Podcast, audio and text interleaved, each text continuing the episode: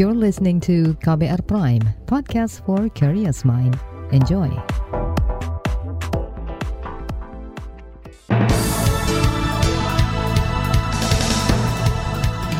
Halo saudara, selamat pagi. Senang sekali kami bisa menjumpai Anda kembali melalui program Buletin Pagi untuk edisi akhir pekan. Hari ini Jumat 25 Februari 2022 bersama saya Agus Lukman.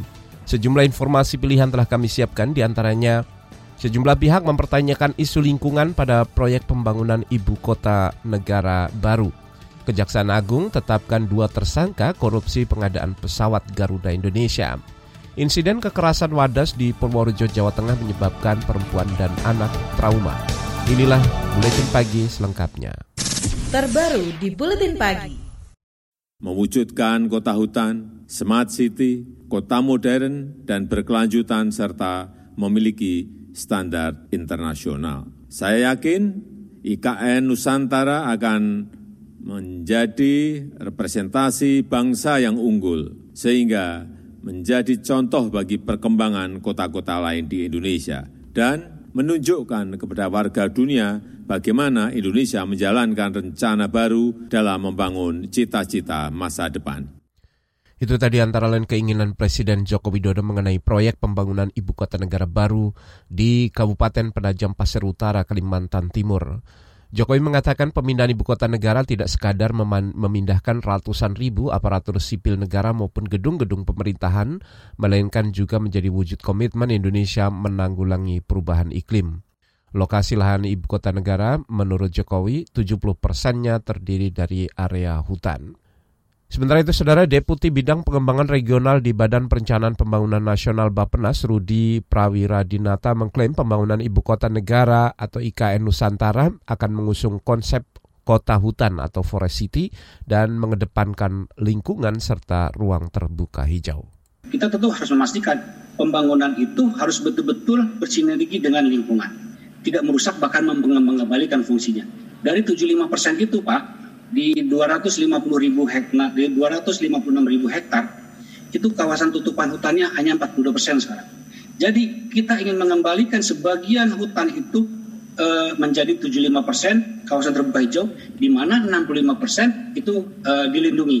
Termasuk Bukit Soeharto tadi sebutkan juga.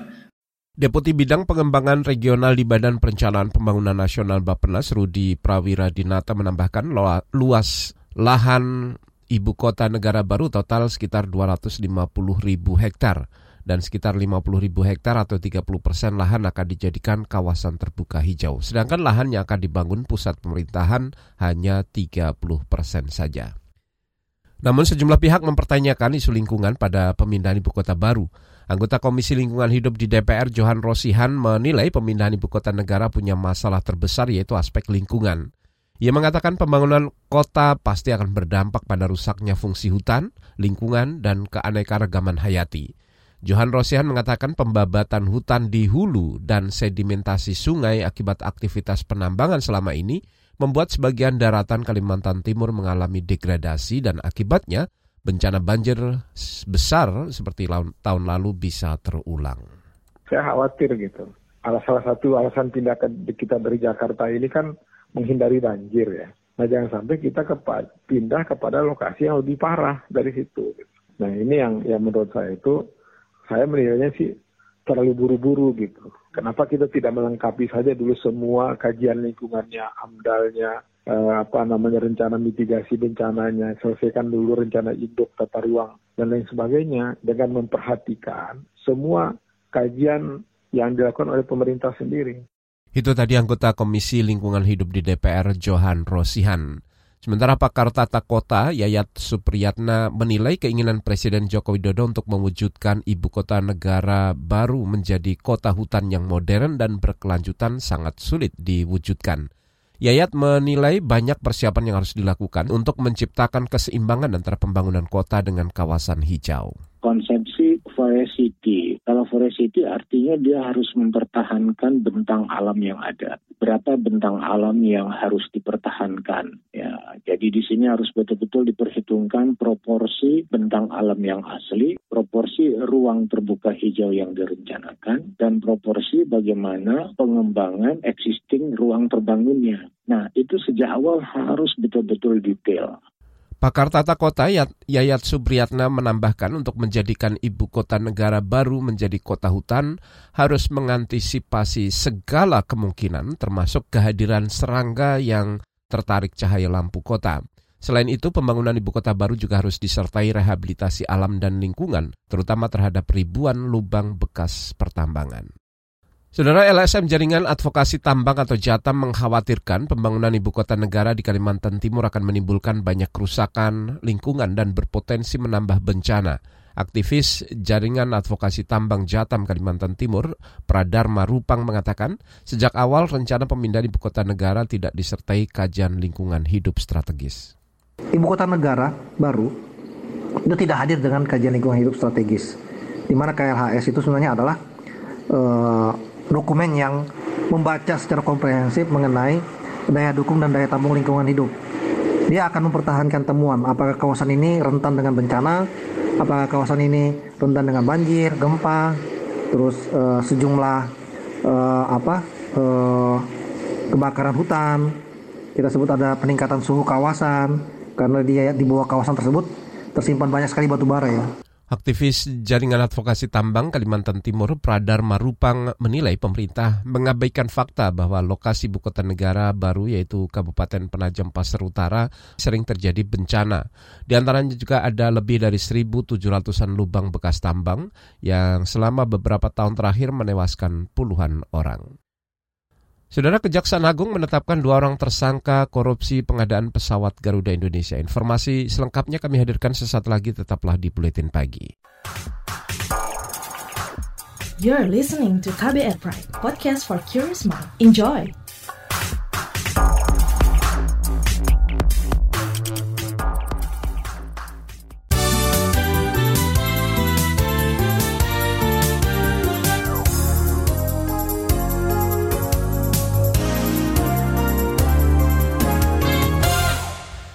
Presiden Joko Widodo mendorong para pengelola kawasan industri di Indonesia untuk mempercepat program vaksinasi COVID-19 dosis ketiga atau dosis booster.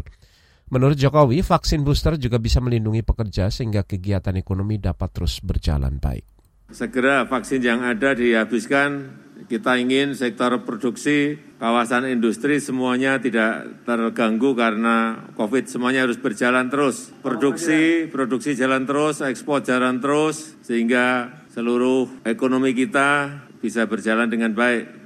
Presiden Joko Widodo mengatakan pemerintah memprioritaskan sektor produksi untuk mendapatkan vaksin booster sehingga kegiatan produksi dapat terus berjalan di tengah pandemi.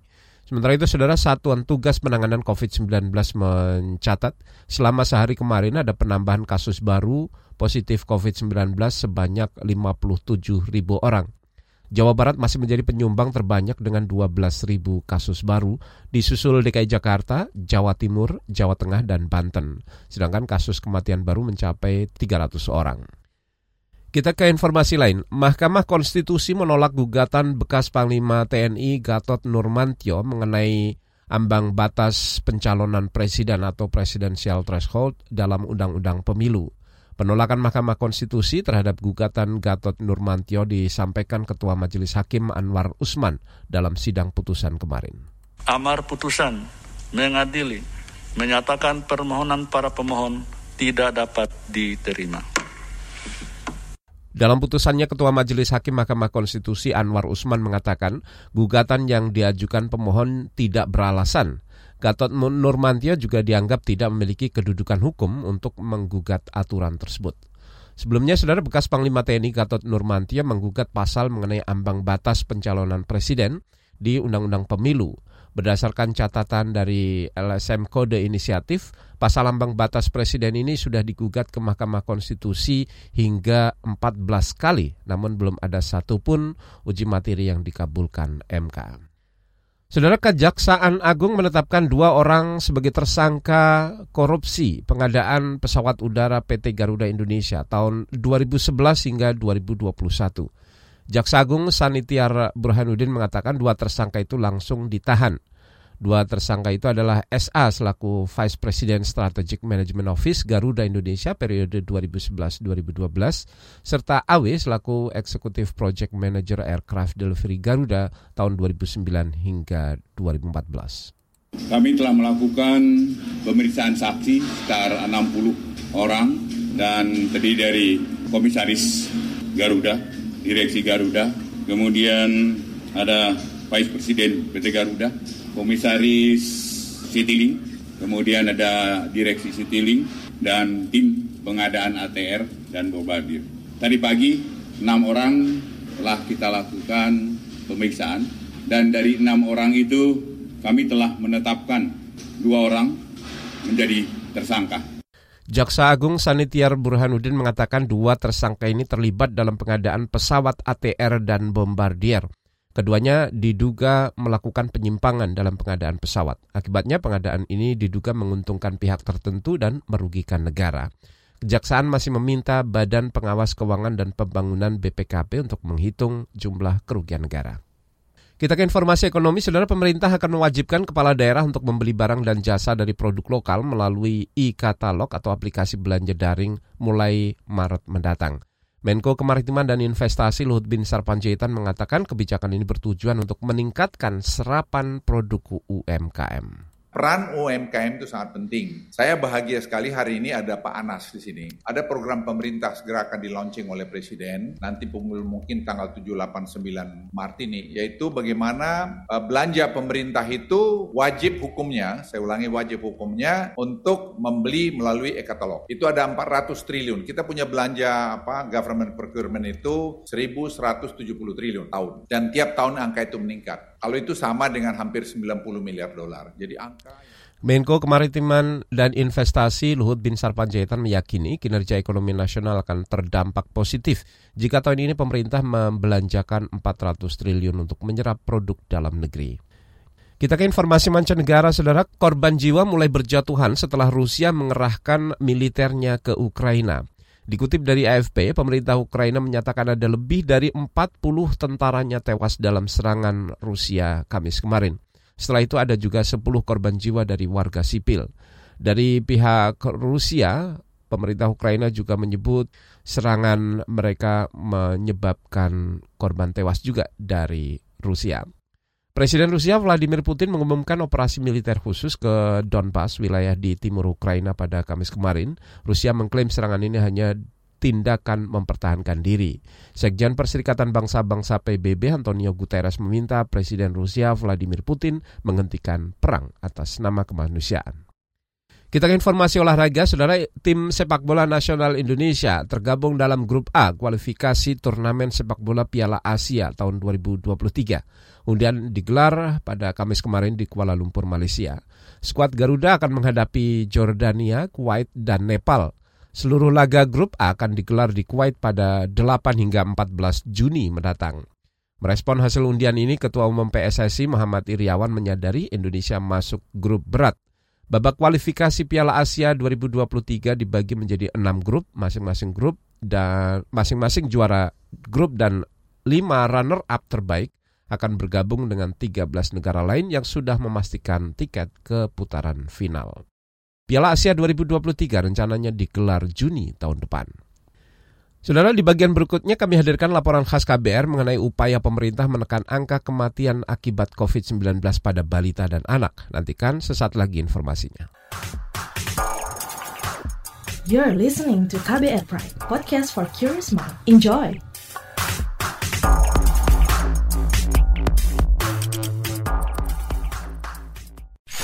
Commercial break. Commercial break. Anda sering gelisah, tidak bisa tidur nyenyak, selalu merasa ada yang merasuki pikiran Anda.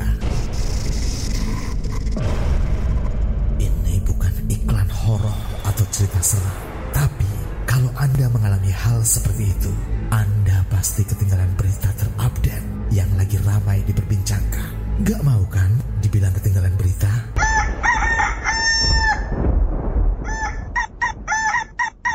Makanya dengerin KBR Pagi, siaran pagi radio paling update menghadirkan narasumber yang terpercaya dan kredibel. Banyak lagu-lagu dari zaman old sampai zaman now. Setiap hari Senin sampai dengan Jumat mulai pukul 7 sampai 8 waktu Indonesia Barat. Bisa didengerin dari Aceh hingga Papua. Cukup satu jam saja untuk membuat kamu tetap update. Woi, ayam siapa nih? Berisik, saya mau dengerin kabar pagi.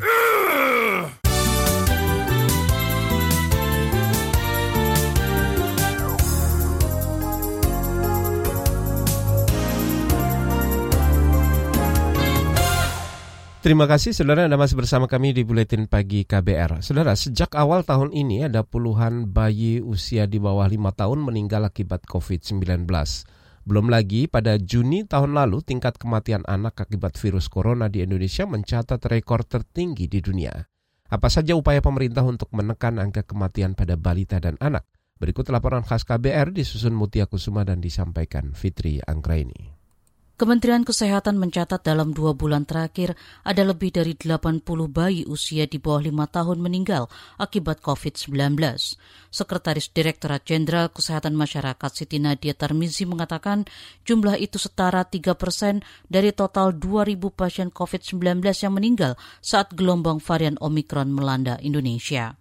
Secara pasti data mengenai 3% balita 0 sampai 5 tahun yang meninggal dunia ini kita tidak ada data lebih uh, informasi lebih lanjut ya. Mungkin rekan-rekan media bisa menanyakan dengan para klinisi langsung di rumah sakit masing-masing. Seperti misalnya bisa menghubungi rumah sakit Sulianti atau rumah sakit Persahabatan untuk bisa mendeteksi. Tapi yang pasti adalah tentunya biasanya kematian pada balita dikarenakan uh, balita ini memiliki penyakit bawaan ya seperti kelainan jantung ataupun juga uh, kelainan kelainan imunitas serta uh, kelainan umumnya kanker darah.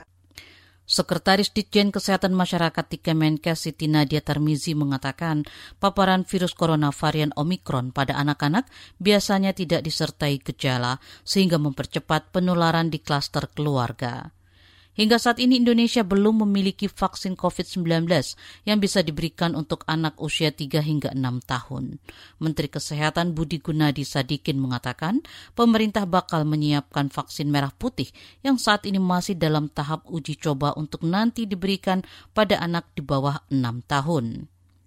Tapi sekarang vaksin anak yang kita bisa berikan adalah di atas 6 tahun. Dari 3 sampai 6 tahun itu masih kosong. Di dunia tidak banyak setahu saya baru vaksin Sinovac dan Pfizer yang bisa. Jadi itu juga ada kesempatan untuk digunakan untuk vaksin anak ya, vaksin primer tapi usianya 3 sampai 6 tahun. Itu ya. Jadi yang pertama bisa di mana gunakan vaksin merah putih adalah booster, kemudian juga untuk vaksin anak ya, terutama di usia 3 sampai 6 tahun. Menteri Kesehatan Budi Gunadi mengimbau masyarakat untuk waspada terhadap penularan Omikron dengan menerapkan disiplin protokol kesehatan. Budi Gunadi memperkirakan kasus kematian pada gelombang ketiga ini tidak akan sebanyak saat gelombang kedua pertengahan tahun lalu. Dia memperkirakan pada puncak kasus gelombang ketiga ini, kasus kematian akibat varian Omikron kurang dari seribu kasus per hari atau setengah dari total kasus kematian saat puncak gelombang kedua. Dihubungi terpisah Ikatan Dokter Anak Indonesia IDAI mengimbau orang tua segera melakukan tes COVID-19 kepada anaknya jika memiliki gejala-gejala Omikron semisal demam, flu, batuk, dan pilek. Ketua Umum IDAI Piprim Basarah Yanuarso mengatakan salah satu penyebab utama kematian anak yang terinfeksi COVID-19 yaitu karena mempunyai penyakit penyerta atau komorbid seperti penyakit jantung bawaan hingga gizi buruk. Yang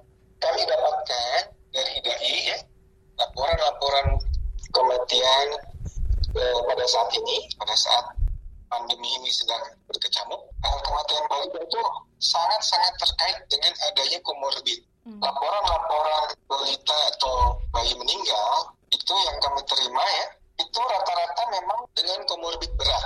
Ada yang misalkan ada yang dengan leukemia, ya, ada dengan kanker. Makin banyak komorbidnya, misalnya penyakit jantung bawaan dengan gizi buruk ya, itu tingkat uh, kematiannya sangat tinggi ya.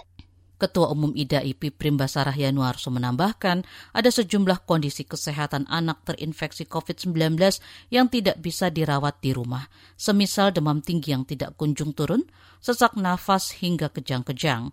Karena itu dia meminta agar orang tua segera membawa anaknya ke rumah sakit. Sebelumnya, dalam konferensi pers Perhimpunan Lima Profesi Dokter Indonesia pada 18 Juni tahun lalu, Ikatan Dokter Anak Indonesia IDAI mengatakan di tengah lonjakan kasus harian COVID-19, terjadi peningkatan tajam penularan bahkan kematian pada anak-anak. Saat itu, data nasional menunjukkan konfirmasi COVID-19 pada anak berusia 0 sampai 18 tahun mencapai 12,5 persen. Artinya, satu dari delapan kasus konfirmasi COVID-19 adalah anak-anak. Data IDAI juga menunjukkan tingkat kematian mencapai 3-5 persen. Dari seluruh data anak yang meninggal itu, 50 persen adalah balita. Laporan ini disusun Mutia Kusuma. Saya Fitri Anggreni. Sejumlah informasi dari daerah akan kami hadirkan sesaat lagi. Tetaplah di Buletin Pagi KBR. You're listening to KBR Pride, podcast for curious mind. Enjoy!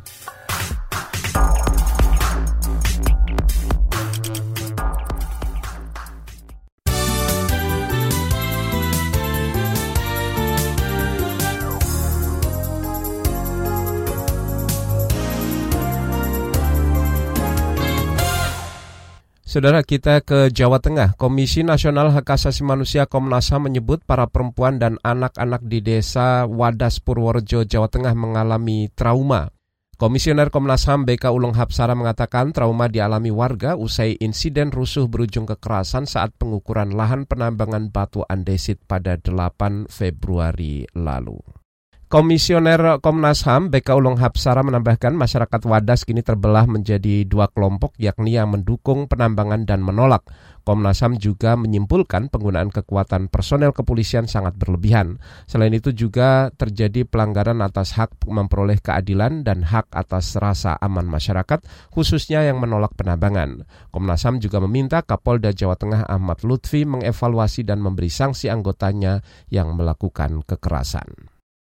Kita ke Jawa Barat, saudara pemerintah kota Cirebon memperlakukan syarat kepemilikan kartu vaksinasi bagi warga pengendara mobil maupun motor yang hendak masuk ke wilayah Cirebon. Kasat Lantas Polres Cirebon Kota Triyono Raharjo mengatakan bila tidak memiliki kartu vaksin maka boleh diganti dengan surat keterangan hasil tes swab antigen negatif. Untuk akses-akses masuk kendaraan yang memasuki wilayah Cirebon Kota, kami melakukan pengecekan kartu vaksin dan apabila kartu vaksin tidak ada, kita lakukan pengecekan uh, bukti lain berupa surat antigen Hamin 1. Tujuannya yaitu untuk menekan mobilitas uh, kendaraan yang memasuki wilayah Cirebon Kota. Karena saat ini uh, Polres uh, wilayah Cirebon Kota sudah memasuki level 4. Itu tadi Saudara Kepala Satuan Kepolisian Lalu Lintas Polres Cirebon Kota Triyono Raharjo Sebelumnya, saudara berdasarkan indikator penilaian dari Kementerian Kesehatan, Kota Cirebon kini masuk status PPKM level 4. Kasus positif di Cirebon bertambah 200-an orang sehingga total kasus positif mencapai lebih dari 15.000 orang. Bergeser ke Papua, saudara kepolisian daerah Papua belum berencana menambah pasukan ke Kabupaten Puncak pasca penembakan oleh kelompok bersenjata yang terjadi akhir pekan lalu. Kapolda Papua Matius Fahiri mengatakan situasi keamanan di Puncak masih belum mendesak untuk dilakukan penambahan pasukan. Kami lihat masih landai dan saya percaya dan Pak Bupati telah melakukan komunikasi apabila eskalasi akan meningkat menurut pertimbangan saya selaku Kapolda. Sekali lagi ya, pertimbangan saya selaku Kapolda akan saya putuskan untuk bagaimana membantu perkuatan untuk melakukan penegakan hukum terukur. Kapolda Papua Matius Fahiri juga mengingatkan Kapolres Puncak dan beberapa wilayah rawan lainnya di Papua untuk mewaspadai munculnya kelompok bersenjata karena sewaktu-waktu kelompok bersenjata bisa keluar dari persembunyian dan melakukan kekerasan. Informasi tadi saudara menutup jumpa kita di Buletin Pagi hari ini. Saya Agus Lukman, kami bersama tim yang bertugas undur diri. Salam.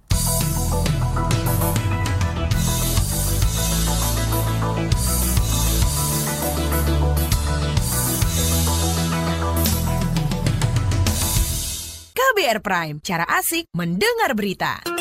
KBR Prime, podcast for curious mind.